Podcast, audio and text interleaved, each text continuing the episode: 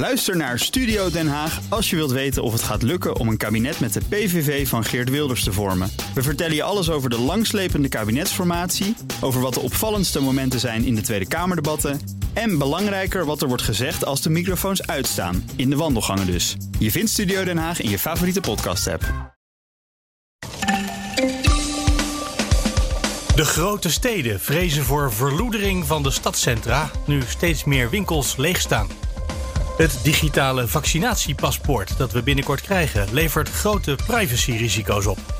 En bijna 40% van de kantoorpanden heeft geen energielabel C of beter.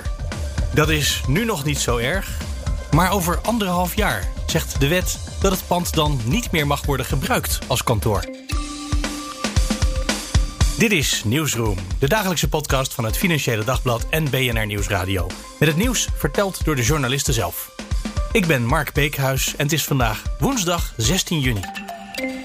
Er worden bij jullie ramen ingezet. Ja, dus als je af en toe. Uh, en, en er loopt ook nog een driejarige die, die zogenaamd in de gaten wordt gehouden door zijn vader, maar die kan ook elk moment binnenstormen. Dus. Uh, dus ga je gang, want uh, ja. Ja, het is nu toch jammer dat we het beeld niet opnemen, want dan zouden we de legendarische BBC-scène ja. met die moeder, maar dan met de vader in dit geval, die dan het kind probeert de kamer uit te trekken. Ja, voor. Nee, laten we het proberen dat niet te doen. Laten we beginnen met hallo Nelke Trappenberg. Hallo. Van het Financieel Dagblad. We gaan het hebben over de verloedering en de leegstand van de winkelstraten in de grote steden. Dat is iets waar al heel lang voor gevreesd wordt. Ja. Maar is de coronacrisis nu uh, de nekslag? Om het maar heel dramatisch te maken. Nou ja, voor de, het gaat hier echt om de grootste steden van Nederland. Uh, leegstand is al heel lang een probleem, ook vooral in de middelgrote uh, steden ja, vanwege het online winkelen natuurlijk is het lastiger voor winkels om uh, bezoekers te trekken. Uh, maar de grootste steden, ja, daar, daar liep het eigenlijk nog wel uh, altijd. Die hadden daar toch minder last van. De historische binnensteden, zeg maar de Amsterdam, um, omdat er ook gewoon veel toeristen kwamen. Maar corona, ja, die heeft dat wel veranderd. en daar gaat het nu ineens heel hard.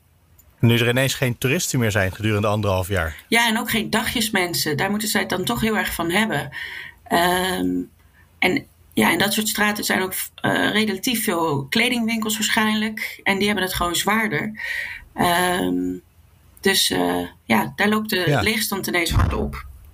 Dus die grote steden hebben nu eigenlijk last van waar de rest van het land al veel langer last van had. Ja, ja ik heb één analist gesproken die zei: ja, dit is een soort uh, pil die iedereen moet slikken. En nu, nu zijn zij ook aan de beurt, waar eigenlijk anderen soms al 15 jaar mee bezig zijn, zeg maar. Voor, uh, ja. Ja, ja, ik kan me ook voorstellen dat je als Amsterdam of als Rotterdam denkt: dat overkomt ons niet. Want, uh, nou ja, een anderhalf jaar geleden was het echt onprettig druk in Amsterdam bijvoorbeeld. En was iedereen blij als de toeristen weer weggingen. Ja, in Amsterdam was de, de was de winkelleegstand echt extreem laag. Het was op de Koverstraat 1%. Dat is, dat is bijna ongezond dat je ook niet meer uh, kan wisselen van winkels, zeg maar. Van, uh, het was ja. juist heel populair.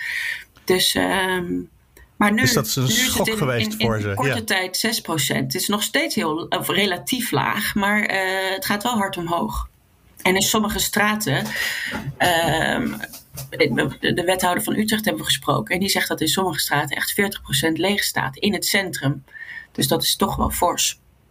Het doet mij een beetje denken aan. Uh, we hebben nu Rotterdam, Amsterdam en Utrecht. Uh, ik woonde tijdens de vorige crisis nog in Den Haag. Het doet mij een beetje denken aan wat er daar toen al gebeurde. Uh, misschien. En daarna is het ook niet meer echt hersteld, is mijn indruk. Het is wel weer levendiger geworden. Maar er zijn heel veel plekken toch gewoon altijd leeg, gebleven. Ja, ja, Den Haag, uh, we hebben de cijfers van de zes grootste steden ook opgevraagd bij Locatus. Bij de, in Den Haag is het wel iets toegenomen, maar niet heel erg nu. Maar de gemeente verwacht uh, toch ook wel een toename. Uh, en onder andere um, omdat er veel meer thuisgewerkt wordt door al die ambtenaren. Dus die ministeries uh, die, ja, die zijn nu vrijwel leeg. Maar ze verwachten wel dat mensen meer blijven thuiswerken. En dat er dan toch minder gebruik zal uh, worden gemaakt van al die koffietentjes en lunchtentjes. Oh, en ja. dat dat misschien uh, ook nog wel weer tot meer leegstand zal leiden. Dus ook daar zelfs. Ja. Maar vooral de andere steden, want die heb je ook het meeste beschreven in het artikel. Ja, Amsterdam uh, en Utrecht nog, gaat het het hardst. Eindhoven was ja? het volgens mij ook wel behoorlijk hard gegaan. Maar Amsterdam en Utrecht gaat het het hardst omhoog. En in, en in Utrecht was het echt verdubbeld. Voor, Kunnen die steden daar iets aan doen nog? Of is het gewoon iets wat over ze heen komt en uh, ja, moet je accepteren? Nou ja, ze, ze hopen ook op geld van het Rijk. Um, ja, Met welk doel? Ja, ze, ze willen dan toch een soort um, proberen de regie op te houden, ook van waar die leegstand komt. Um, en, uh, en om bijvoorbeeld bepaalde straten dan, uh, ja, te, te, ja, dat heet dan in jargon te transformeren uh, ja. naar gebieden waar je ook bijvoorbeeld kantoren erbij hebt, of, of de huisartsen, fitness, weet je, dat het wat, wat breder wordt. Um, in, in, in, de, ja, in Amsterdam heb je natuurlijk weet ik veel, een escape room. Of er zijn ook wel weer andere toeristische dingen die je daar zou kunnen maken, zeg maar. Voor, uh, uh, ja, dan dat er allemaal lege winkelpuien staan. Dat is misschien minder aantrekkelijk. Ja, hoewel er tegenwoordig dan wel van die prachtige stickers voor beschikbaar zijn, zodat het lijkt dat er gewoon een of andere groentewinkel zit. Ah, uh, een hele mooie graffiti. ja, precies. Uh, maar ja, daar, Het, het, doet iets voor zo'n straat. Het ziet er iets minder dramatisch uit. Maar het blijft natuurlijk toch gewoon een leeg pand. Ja, voor, uh, en ik denk één leeg pand of een paar, weet je wel. Maar 40% is best veel. Dus dan, ja, daar 40%. Hebben de, daar hebben de andere winkeliers dan ook last van. Want dan is er natuurlijk minder aanloop. Uh, zijn er inderdaad de steden bezig om te denken, als je dan drie van die straten hebt waar steeds 30% leegstand is, dat ze dan zeggen, nou dan offeren we één straat op en we stoppen ze in die andere twee? Uh, en we proberen ze daarheen ja, te manoeuvreren. Volgens mij is dat altijd wel. Uh, daar hebben we nu niet heel erg op ingezoomd. Maar dat proberen ze dan wel een beetje het, uh, ja, op die manier te doen. Dus dat het. Om het toch een beetje leuk te houden. Ja. Meer te ja. concentreren. En, en uiteindelijk zijn er natuurlijk ook gewoon minder fysieke winkels nodig. Dat blijkt uit alle analyses, zeg maar. Dat zal uiteindelijk ook in Amsterdam moeten gebeuren. Je zou ook kunnen denken, dan is misschien de huur gewoon te hoog. Als er geen behoefte is aan zoveel winkelpanden, dan moet de, moet de prijs omlaag. Dan gaan ja, mensen vanzelf alweer een leuk winkeltje beginnen. Ja, de prijzen gaan nu ook omlaag. En je kunt ook zeggen, eh, ja, dit is gewoon een gezonde marktcorrectie. Ja. Um, en dat geeft inderdaad ondernemers die misschien eerder niet op de Kalverstraat konden zitten, de mogelijkheid om daar ook eens uh, te ondernemen. Uh, maar leuk, die dat zullen we daar eens gaan doen. Daar kunnen ja, we gewoon een winkeltje beginnen. Ja, leuk. Maar die wethouders die, uh, die, die, die, die, halen dat ook wel aan. Um, maar die hebben toch zoiets van, ja, maar pas wel op. Want uh, het gaat nu wel heel snel. Um, en ja, dus die, die, die ja. zijn toch wel een beetje bevreesd. Zijn het inderdaad ook die hele beroemde Kalverstraten, uh, dat soort winkelstraten die leeg staan? Of zijn het toch meer de straten daaromheen waarvan niemand de naam precies uit zijn hoofd kent? Nou, het zijn volgens mij toch ook meer de aanloopstraten inderdaad, voor, uh, ja? waar het hard gaat. Maar wel echt in het centrum. Wel centrum, maar niet, uh, niet de Kalverstraat. Niet, uh, ja, de Kalverstraat was dus 6% op dit moment. Waar het, oh ja, dat is dan toch ook al wel Waar het ongewoon toch hoog. een paar jaar geleden 1% was. Dus dat is voor de Kalverstraat ook al wat hoger, ja. Ja, voor de winkelstraatmanager daar toch ook even een shock.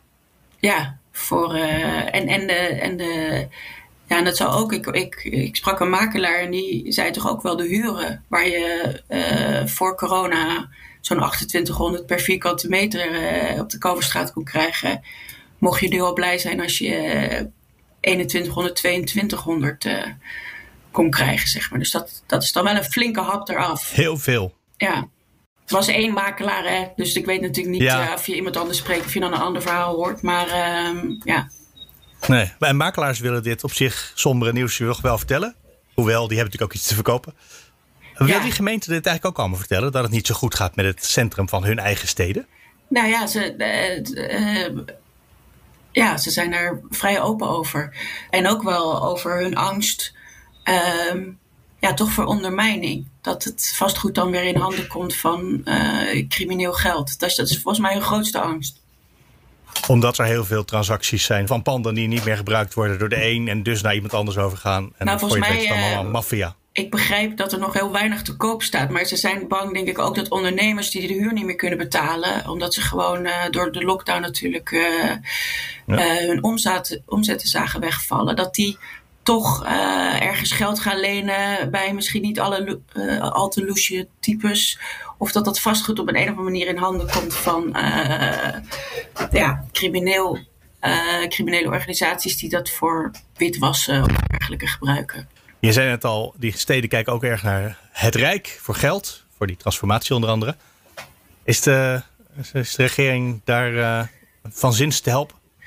Nou, de, de, de, grote steden hebben onlangs, ik geloof in een Kamerdebat, daar ook wel aandacht voor gevraagd. Omdat het geld van het Rijk, dus 100 miljoen beschikbaar gesteld. Maar dat is altijd allemaal gericht op de middelgrote steden. En de grote steden zeggen eigenlijk van, ja, waarom worden wij niet meegenomen? Oh, het is niet ze voelen zich overgeslagen. Ja, ze, het is niet dat ze die hele 100 miljoen willen, maar ze willen ook gewoon meedoen. Maar de minister heeft gezegd dat dat toch niet gaat gebeuren, omdat zij, die grote steden, dan wel een echt grote hap uit dat budget zouden nemen. En uh, ja, en dat die toch ook wel uh, ja, aantrekkelijker zijn, zeg maar, voor, uh, dan, dan sommige Die zouden het op eigen kracht moeten kunnen. Die zouden het op eigen kracht moeten kunnen, ja. Niet gevraagd, dan krijg je het zeker niet, hè? Dus uh, ik snap dat ze de poging wagen. Ja. Nelke Trappenburg, dankjewel. Yes. Hallo, Niels Kruijzen. Ja, goedemorgen. Stagiair bij BNR Nieuwsradio. En ook degene die het verhaal heeft gemaakt van de vaccinatiepaspoorten van vanmorgen. Gisteren hadden we ook een verhaal over vaccinatiepaspoorten. Dat die in het najaar waarschijnlijk gewoon blijven voor andere vormen, vormen van griep. Maar jij hebt gekeken naar een heel ander aspect van die dingen. Naar de privacyrisico's. En er zijn mensen die grote risico's zien. Vertel. Ja, dat klopt. Ik heb onder andere gesproken met Privacy First. Dat is een, ja, een stichting. Die zet zich in voor privacy van de Nederlandse burger. En uh, ze gingen er voor mijn gevoel best wel keihard in. Uh, ja? Ze zagen een hoop problemen. Ja. Wat voor problemen zien ze? Uh, nou, voornamelijk dat, dat het weer een database is. Een grote plek waar, waar verschillende gegevens worden verzameld. en dat dit kan zorgen, omdat het onder, onder tijdsdruk en politieke druk, door middel van de spoedwet en de EU, kan zorgen voor onnauwkeurigheid. En ja, dat, dat zien zij natuurlijk niet graag in, in privacy. Wat voor soort problemen kunnen er misgaan? Ja, een extra database is natuurlijk een extra plek waar je kan hacken en waar je gegevens uit kan halen. Ja, precies dat eigenlijk, ja. Daar, daar begint het meteen al mee. Gewoon als je ja, geen... eigenlijk wel. Uh, het gaat om medische gegevens. En medische gegevens, dat, die zijn natuurlijk super gevoelig. Ja. Uh, maar die database zij... die ligt toch al ergens bij het RIVM? Want die willen in, in, kaart houden hoeveel mensen er gevaccineerd zijn en met welk spul. En zodat als je dan bijwerkingen hebt, dat ze kunnen terughalen dat het aan het ene vaccin lag en niet aan het andere. Dus die database die is er toch al? Ja, klopt. Uh, en die database, dit, het ding is die QR-code. Uh, die komt ja. straks in verbinding te staan met die database. Dat is eenmalig overigens. dus je maakt je QR-code aan en that's it. Dan is de verbinding tussen de app en de database gesloten. Die QR-code die zegt, deze meneer mag bij een groot event naar binnen. Precies, ja. Maar ja. ook met voor, voornaam, achternaam, geboortedatum, uh, vaccinatieinformatie, dus welk vaccin, wanneer. Zit het allemaal uh, in die code zelf? Juist, ja. Dat zit dat, niet, als je die QR-code opent, dan wordt er niet een website geopend. Nee. Maar in die code ja. staat gewoon letterlijk Mark Beekhuis, geboren dan en dan, daar en daar. Is één keer geprikt ja. tot nu toe. Ja, precies. En het ding is ook, die QR-code die kan iedereen scannen. Dus als ik die uh, gewoon zo'n QR-code scanner heb, uh, wat, wat denk ik nou, iedere telefoon van tegenwoordig wel heeft, dan kunnen we gewoon elkaars QR-code scannen. En dat zorgt voor heel veel privacy, privacy stichtingen en juristen wel een beetje voor problemen. Ja. omdat het toch al gegevens zijn die voor sommige mensen gevoelig zijn. Want de gedachte was toch dat we die code gebruikten, zodat je niet op je papiertje hoefde te laten zien, hij is geprikt met dat en dat vaccin. Ja, maar dan precies. schrijft het alleen niet ja. in letters die we kunnen lezen, maar die de computer kan lezen. En kan ja. vertalen, zodat we het wel kunnen lezen. Ja, dus ik, ik had ook verwacht, misschien uh, uh, wordt het gewoon een groen schermpje van ploep gevaccineerd. Oké, okay, in orde. Ja. maar ik, ik heb zelfs nog met iemand gesproken. En die had een gigantische Twitter-feed rondom, rondom die QR-code. En die zei ook dat er waarschijnlijk een knopje komt. Waarbij je gewoon erop kan klikken en dan ploep komen die gegevens even naar voren. Dat je toch even kan zien, mocht die QR-code niet werken. Nou, je zei al, privacy first, die ging er kaart in. Maar goed, mm -hmm. dat verwachten we ook van een actieclub. Ja, juist. Ben je nog wat verder gaan bellen? Kwamen daar misschien genuanceerdere antwoorden uit? Ja, ja klopt. Ik, uh, ik schrok natuurlijk wel, uh, wel een beetje over de ernst. Want dat is het eerste, eerste bron die ik sprak. Ik dacht van, oh, dit is wel heel ernstig. Dus dan ben je wel ja, dat denk ik ook nog steeds hoor. Ja, precies. Dus ik, ik ben gewoon gaan bellen met, met verschillende juristen. En die zeggen ook van, ja, het, het, we maken ons wel zorgen. Het is risicovol. En de afwij, afweging eigenlijk die er uh, op dat moment is gemaakt, uh, is van ja, kies je voor fraudegevoeligheid. Dus bijvoorbeeld het gele boekje. VWS erkent dat niet, want ze zeggen het is evident ja. eigenlijk aan, uh, aan vervalsing. Van, het is handgeschreven, dus dat kan je zo, zo vervalsen. Um, Dus je maakt de keuze tussen fraudegevoeligheid en privacygevoeligheid. En VWS is gegaan met, met het tegengaan van de fraudegevoeligheid. Uh, en die overweging, die keuze, daar zeggen ook juristen over van ja, oké, misschien is dat niet het, het meest risico, risicoloze wat je hebt gedaan op het gebied van privacy.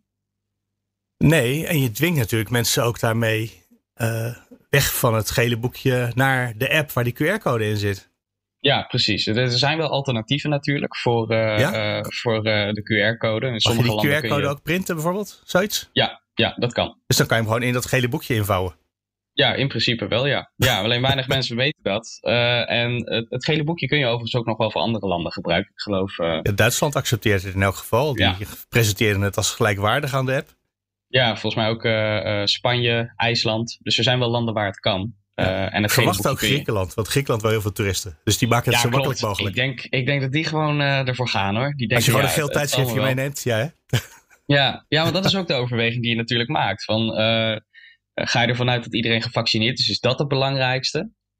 Of kies je dan van ja, oké, dan pakken we toch die privacygegevens dat we die veiliger stellen. Dan kan het zijn dat er meer fraude kan worden gepleegd. Maar ja, dan zijn die gegevens wel op orde. Ja. En aangezien ja, in heel de EU dit wordt gebruikt, ik kan bijvoorbeeld de QR-code ook van een Fransman uh, scannen. Dat, dat, is geen punt. Dus die privacyproblemen, die zijn echt. Ja. Het is misschien juridisch wel prima geregeld, maar ja, dat voelt toch net niet helemaal lekker. En, je, en we worden toch ook een beetje gemasseerd in de richting van die app, waardoor onze de gegevens in die database moeten. Ja, het is natuurlijk, uh, het is natuurlijk ook het makkelijkste. Zeg maar, als je niet weet. Voor de overheid. Uh, ja, en, en voor, voor, voor, bijvoorbeeld voor, voor jij, jij en ik. ik. Ik zou bijvoorbeeld wel simpel vinden dat ik gewoon een QR-code heb. In plaats van dat ik een geel boekje overal mee naartoe moet zeulen. Of een testbewijs, et cetera. Ja. Dus dan is het wel de makkelijk, makkelijkere optie om gewoon te zeggen, nou, gooi me maar in die database. Ik persoonlijk heb daar geen problemen mee. Voor mij zijn dat geen gevoelige gegevens. maar ik kan me voorstellen dat andere mensen daar toch wel een vraagtekens voor, stellen, zeg maar. Het hangt heel erg vanaf wat ze allemaal opschrijven in die QR-code, want daar kan vast een heleboel tekst in. Ja, klopt. Ja, de gegevens sowieso die in die QR-code uh, worden verwerkt zijn dus wat ik eerder zei, die, die voor, achternaam, geboortedatum, vaccin, of uh, wanneer het is gezet. En natuurlijk of je gevaccineerd bent. Ja. Uh, dus, dus het zijn al best wel een hoop gegevens. En ook, uh, nou ja, uh, ik, ik denk wel het overkoepelende ding is dat het gewoon best wel een maatschappelijke discussie is. Van hoe, ver, hoe ver ga je met die privacygegevens om aan te kunnen tonen dat iemand gevaccineerd is. Ja. Valt er eigenlijk überhaupt nog iets over te doen? Want we kunnen er nu over praten alsof het een probleem is. Maar als Europa dit besloten heeft en Nederland mag er niks aan veranderen, dan is dit gewoon hoe de wereld werkt. Ja, nee, inderdaad. Eh, ik geloof dat Privacy First nog aan het overwegen is om, uh, om, om, om toch wel rechts, uh, rechtsvervolging te gaan doen, om een rechtszaak te beginnen. Um, daar heb ik nog niks van gehoord. Er lopen al wel wat, wat zaken die, die ze hebben aangespannen tegen de overheid op het gebied van privacy. Rondom alle spoedwetten en coronawetten. Um, maar ja, ik denk tot zover dat, ja, dat er misschien niet heel veel verandering meer gaat komen. Had ze eigenlijk het ministerie, want die uh, verzorgt in Nederland voor die codes. Hadden die eigenlijk nog een goed verhaal over hoe dit allemaal werkt? Uh, ja, het, uh, wat, wat, je eigenlijk, wat er eigenlijk gebeurt met die QR-code, dat vertelden ze mij, is dat je logt in met je DigiD. Ehm, dan wordt die QR-code die wordt aangemaakt. En op dat moment is er dus verbinding tussen die database van het RIVM. of staan je gegevens daar niet in, dan kan het nog uh, naar uh, een van de huisartssystemen worden doorverbonden en nog een aantal andere systemen. Nou, dan wordt uh, die eenmalige QR-code aangemaakt. En dan heb je je QR-code. Eigenlijk dat is een beetje de loop. Zij zeggen dat is veilig. Ja. En het is misschien ook wel heel veel moeite om van alle mobiele telefoons stuk voor stuk die QR-code af te schrapen. Ja, ja, precies. Dat, Tenzij je een hele goede app weet te schrijven die iedereen graag installeert en die weet te hacken. Ja, precies. Uh, ik, ik, sprak dus ook met, uh, met de bron die, die heel die, die Twitter-feed had, eigenlijk over die QR-code. Die zei van ja, als je gewoon een app aanmaakt in de Play Store, dan zegt dit is de QR-code-scanner voor de horeca. Want ja, horeca kan er ook gewoon om vragen. Dus je kan ook aan een uitsmijter of een, of een restauranteigenaar zou je die QR-code gewoon kunnen laten zien. Um, als zo'n crimineel zo'n app ontwikkelt, nou, continu komen die QR-codes voorbij. Dan, dan is het al raak. Daar hebben we toch mooi een beveiligingsprobleem ontdekt. Ja, dat denk ik wel. En ik, ik, ik geloof echt wel dat de overheid dit gewoon kan fixen en, uh, en dat het DigiT nog steeds een topbeveiliging is. Jawel, maar, maar dan daarna zit het in je telefoon en daar begint het uh, alsof je allemaal de hele tijd met een A4'tje rondloopt op je voorhoofd gestickerd. Uh, dit is mijn ja. QR-code hoor en hier staan allemaal gegevens. Ja, het feit dat het inderdaad gewoon voor iedereen te scannen is en dat het zo op je scherm verschijnt en dat je het eigenlijk overal waarschijnlijk straks moet laten zien.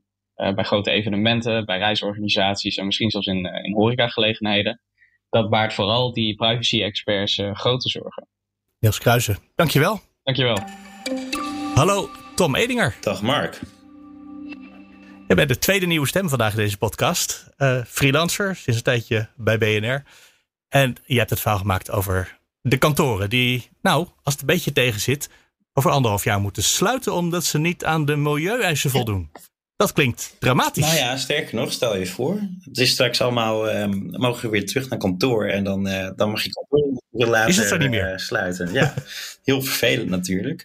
Nee, inderdaad. Um, Colliers die heeft een, uh, een rapport vanochtend naar buiten gebracht. waarin staat in ieder geval onderzoek hebben gedaan naar de kantoorpanden in Nederland en uh, hoe ze aan de duurzaamheids, uh, of ze aan de duurzaamheidseisen voldoen. Um, nou, dus in 2000, vanaf 2023 um, willen we eigenlijk als land dat, dat, dat elk kantoorpand aan een bepaald um, duurzaamheidseis voldoet. En dat wordt om, dat, daar krijgen ze een label voor, dat is in dit geval het energielabel C. Um, en wat eigenlijk uit dat rapport komt, is um, dat bijna 40% um, zijn label niet eens heeft. En uh, niet eens, uh, ook geen F-label of een G-label of A, want dat kan natuurlijk ook. Maar überhaupt geen idee hebben hoe het, hoe het pand erbij nou, staat. Uh, dat is natuurlijk de vraag. Nee, um, ze, hebben ze hebben niet het energielabel. Um, en dat is heel makkelijk, want je kan het gewoon aanvragen. Dus dan is de vraag, waarom hebben ze het niet? Maar goed, dat hebben we natuurlijk. Is het uit zelfvertrouwen of komt dit uit uh, onwetendheid? Dat ze niet snappen dat over anderhalf jaar de deuren dicht gaat bij het kantoor als dat C-label ja, niet precies. Je zou haast denken van, goh, bevalt dat thuiswerken zo goed? Nee, maar inderdaad, dat is, een, um, dat is eigenlijk ook wat, uh, wat blijkt, wat uh, ook uit het rapport naar voren komt. Um, dit is eigenlijk een combinatie van, van onwetendheid van, uh, en, en, en, en toch ook inderdaad een laag gevoel van, van urgentie. Van goh, misschien is het handig om zo'n energielabel uh, aan te vragen, want straks moeten we ons pand sluiten. Um, als, als je het vraagt aan uh, Collier zelf, zeggen ze ook van, nou, er is ook een, een, een, soort van skepsis bij, bij veel mensen die zeggen, ja, goh, je weet ook helemaal niet of het zo'n vaart gaat lopen uiteindelijk. Dat we echt uh, moeten sluiten. Um, ah, ze geloven niet dat de overheid het gaat handhaven. Nou, dat kan ik me voorstellen als misschien wel 40% van de kantoorpanden dicht zou ja. moeten. Dat, dat kan je als land nee, gewoon niet nee, doen. Nee, absoluut. Nou, gelukkig is dat ook niet het geval. Um, kijk, bij die 40% daar, daar zit natuurlijk wel een nuance in. Um, en dat, dat zegt Collier zelf ook. Die zeggen, weet je, um, uiteindelijk zitten we in die, in die 38%. Daar hebben we hoogstwaarschijnlijk heel veel kantoren wel degelijk de, voldoen aan de juiste duurzaamheidseisen. Alleen het punt is, okay. ze hebben dat label nog niet aangevraagd. Dus daar valt weinig over te zeggen. Um, en dat is natuurlijk, um, en dan komen we weer terug op, het vorige punt, dat is natuurlijk heel vreemd dat anderhalf jaar voordat er een dreigende sluiting um, op de rol staat, dat je nog steeds niet uh, het idee hebt van, goh, we moeten hier uh, werk van maken en laten we dat label gewoon aanvragen. Dan zijn we er van af en dan kunnen we ons bezighouden met uh, andere dingen. Ja, ik kan me ook voorstellen. Want ik, ik heb geen kantoor, dus het is voor mij persoonlijk niet zo relevant. Maar ik krijg dit soort nieuws toch wel mee via het FD via BNR. Het zou ook kunnen dat dit gewoon nog niet genoeg in de wereld bekendgemaakt is. En dat gewoon ondernemers geen vermoeden hebben dat die wet eraan zit te komen. En dat, nou misschien met een jaar uitstel, de Nederlandse overheid kennende, dat ook echt ingaat. Zou het kunnen zijn dat de overheid gewoon moet vertellen dat deze wet eraan komt? Ja, zeker. Ik denk inderdaad dat de overheid um, daar um, nou ja, beter kan informeren. Dat is ook een van de punten die ervoor is gekomen um, uit het rapport. dat, dat dat eigenlijk het grote probleem is. er is een gebrekkige informatievoorziening, zijn weinig en en er is toch ook wel een beetje het precedent geschept op het gebied van duurzaamheidswetgeving. Dat mensen zeggen, ja, um, overheid, uh, dit is bluff. Zullen nog wel zien of jullie daadwerkelijk ehm, je, je poot stijf houden. Ja, ik zou me daar sinds uh, twee weken geleden, sinds er tegen Shell een rechtszaak gevoerd is, misschien toch een beetje zorgen over maken. Dat misschien de overheid het niet komt handhaven. Maar dat er dan een of andere milieudefensie of een andere milieuclub uh, een groot kantoorpand van pak een beetje, nou noemen ze een groot kantoorpand, uh, een World Trade Center ergens in de een van de grote steden laat sluiten, omdat het niet voldoet aan de eisen. Ja, dat, en dat dan al die verdiepingen ineens ja, leeg moeten. Dat is inderdaad een goede. Nou, laten we hopen dat, dat, dat, dat daar misschien wat, uh, dat, dat er daar misschien wat meer urgentie uh, uh, vandaan komt. Wat je, wat je ook wel ziet is. Um, dat, en dat is ook een opvallend punt in, de, in het rapport, is dat um, de overheid eigenlijk um, die, nou ja, als je kijkt naar, naar het profiel van de overheid, dat dat niet een van de grote aanjagers is van, dit, uh, van, van een verduurzaming van kantoorpanden. Dat zijn toch vooral institutionele beleggers. En uh, om dan het bruggetje toch uh, enigszins te maken naar, naar de grotere bedrijven, dat, dat, dat valt natuurlijk ja. enigszins ook te verklaren, omdat. Um, ja, de mensen achter, zo'n, uh, achter dit soort beleggers, bijvoorbeeld pensioenfondsen, die stellen toch wel in het verhaal van hé, hey, met het oog op de toekomst willen we gewoon graag een, eh, dat, dat zien van de duurzaamheidseisen wordt voldaan. En, dat is toch ook wel een heel opvallend detail uit, uh, uit dit onderzoek. Dat ja, de, de, de institutionele beleggers eigenlijk, en ook, ook toch ook wel uh, private beleggers, eigenlijk de overheid voorbij schieten in, in de verduurzaamheid, verduurzamingsslag. En die vallen waarschijnlijk ook gewoon als kantoorgebouwen onder die nieuwe wet. Dus de overheid moet zelf ook nog een beetje aan de slag met de duurzaamheid van ja, zijn gebouwen. Ja, ja, ja, absoluut, absoluut. Anders dan moeten al die ambtenaren echt gaan zitten ja, thuis. Nou ja, goed. Het is natuurlijk de vraag of, de, of, of, uh, of er dan ook daadwerkelijk streng op gehandhaafd uh, wordt. Uiteindelijk zijn de gemeenten die uh, die, die labelplicht echt moeten gaan controleren. Ehm, en dan is het natuurlijk de vraag, net, ga je echt tot sluiting over? Of, of zeg je eerst met je hand over je hart, uh, geef je een waarschuwing of, wordt het een boete? Maar, of gaat er überhaupt iemand controleren? Want er zijn ook regels. Uh, als je in je gebouw iets kan investeren wat binnen vijf jaar terugverdiend wordt, waardoor het klimaatvriendelijker wordt, milieuvriendelijker, dan moet je die investering doen volgens de wet. Daar heb je niet eens de kans om zelf te gaan afwegen of je dat wil. Maar er is geen, volgens mij geen bedrijf wat daar ooit op gecontroleerd is als je daar nooit naar controleert, dan gaat natuurlijk zo'n onderneming misschien wel ja. zelf nadenken. Net als bij wat je nu beschrijft met de kantoorgebouwen. En, en, en, en, en dat is natuurlijk ook uh, inderdaad het, eigenlijk het terugkerende, het terugkerende probleem. Um, dat ja, toch die sceptisch richting, um, richting overheid van gaan jullie daadwerkelijk ook handhaven? En um, dat, dat, ja, we, we, we, weten niet of het echt gaat gebeuren, dus we nemen het allemaal met de korreltjes uit. En dat is natuurlijk iets waar je, wat je ook heel duidelijk terugziet in het rapport, dat ze dat ik adviseer van, ja, ga toch gewoon streng handhaven. Want op die manier zorg je ervoor dat je min of meer de bedrijven ook, uh, ja, dat die doordrongen raken van het idee, hey, we moeten, uh, we moeten op zijn minst even dat label aanvragen. Uh, dat je weet waar je staat of je opgelucht adem kan halen. Ja, en dat, dat, dat, dat, dat is natuurlijk het, het, het meest frappante. Op het moment dat je, je bedenkt dat 40% van de kantoren nog uh, een anderhalf jaar voordat, uh, voordat ze uh, een label moeten hebben, dat ze, dat ze daar nog helemaal niet mee bezig zijn. Of dat ze die nog niet hebben. En dat je dan vervolgens hoort dat dat ook gewoon komt omdat ze het wat laconiek moeten kijken naar in hoeverre het wordt gehandhaafd. Aan de slag, zeg ik dan. Tom, dankjewel. Yes, geen probleem. En dat was hem voor vandaag. Je weet, je kan altijd reageren. Mail naar nieuwsroom.fd.nl of nieuwsroom.bnr.nl. Dan zijn we er morgen weer. Graag tot dan.